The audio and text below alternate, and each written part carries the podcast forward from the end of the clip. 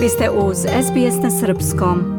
Najposećenija književna smotra u ovom delu Evrope, Međunarodni Beogradski sajam knjiga, posle dvogodišnje pauze zbog virusa korona, vratio se u punom sjaju i pod upečatljivim sloganom povratak napisanih, koji podsjeća na univerzalnu vrednost literature i značaj književnog stvaralaštva u godinama velikih iskušenja, previranja i izazova sa kojima se čovečanstvo suočava. Književnik i akademik Dušan Kovačević sinoć je svečano otvorio 65. jubilarni Međunarodni Beogradski sajam knjiga koji će trajati do 30. oktobra na Beogradskom sajmu. Akademik Kovačević je rekao. Knjiga je lekovita, leči mnoge bolesti, od davnina je poznata kao melem za razum i dušu. Zato je toliko ljudi u obilasku ove naše sajamske apoteke.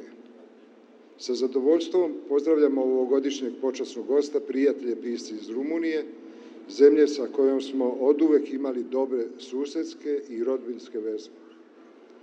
Posle dve godine odlaganja sajma knjiga, zbog planetarne bolesti koja se javlja periodično, menjajući ime kroz vekove, pomislili smo da ćemo uskoro živeti bez straha kao ljudi – Ta naša nada pretvorila se u očaj početkom rata koji sve više dobija razmere trećeg svetskog rata. Kako inače nazvati rat koji se vodi oficijelno između dve zemlje, a u suštini u ovom ratu učestvuje više od 50 zemalja iz celog sveta. Ova ratna bolest se svakim danom širi i preti da preraste u sukob sa nezapamćenim posledicama po život ljudi i opstanak planete. Da li je ovo vreme i mesto za priču o ratu? Mislim da jeste. Svako vreme i svako mesto je naša obaveza da se pronađe alternativa za mir. Danas je mir najdragocenija sveta reč. Pod krovom ove naše nacionalne izložbe knjiga, ove velike knjižari i biblioteke žive pisci njihova dela ispisana kao opomena na strašna ratna vremena.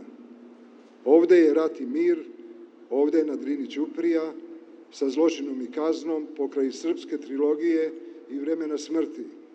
Kome su i zašto su pisane te velike knjige, ako se njihove priče ponavljaju kao da ih niko nikada nije čitao. Moleći Boga za mir, uz prizivanje razuma i pameti za generacije koje danas uče da čitaju, poželeo bih da se vidimo sledeće godine uz pozdrav naslova jedne davne knjige Doviđenja u oktobru. Proglašavam Beogradski sajam knjiga otvorenim. Hvala.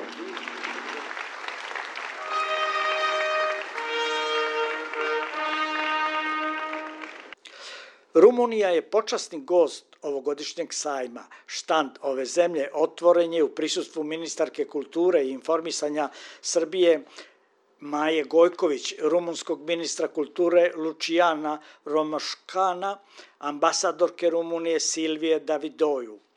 Nastup Rumunije kao počasnog gosta još jedna je prilika za produbljivanje uzajamnog razumevanja i jačanje prijateljstva dve države i naših naroda. O tome svedoči i simbolični slogan knjige za prijatelje predstavljanja rumunske književosti na sajmu u Beogradu, istakla je Maja Gojković.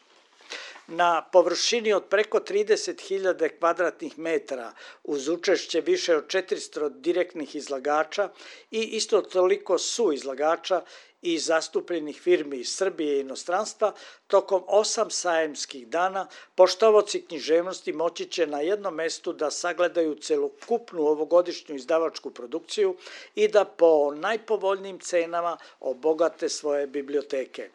Program ovogodišnjeg sajma knjiga koncipiran je u sedam celina koje su posvećene savremenoj književnosti i izdavaštvu, aktuelno teorijskoj i kritičarskoj misli u oblasti duhovnih disciplina, uređivanju i opremi knjiga. U sajamskim halama posetioci mogu da vide i izložbe posvećene Vasku Popi, Borislavu Pekiću i Žozeju Saramagu. Na 65. Međunarodnom Beogradskom sajmu knjiga učestvuju i izdavači iz Crne Gore, Hrvatske, Bosne i Hercegovine, Republike Srpske, Italije, Mađarske, Nemačke, Belorusije, Rusije, Kine, Irana, Švajcarske, Maroka, Egipta, Indije i Poljske.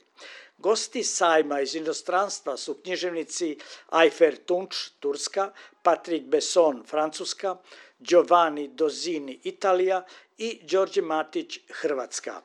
Iz Beograda za SBS radio Hranislav Nikolić. Želite da čujete još priča poput ove? Slušajte nas na Apple Podcast, Google Podcast, Spotify ili odakle god slušate podcast.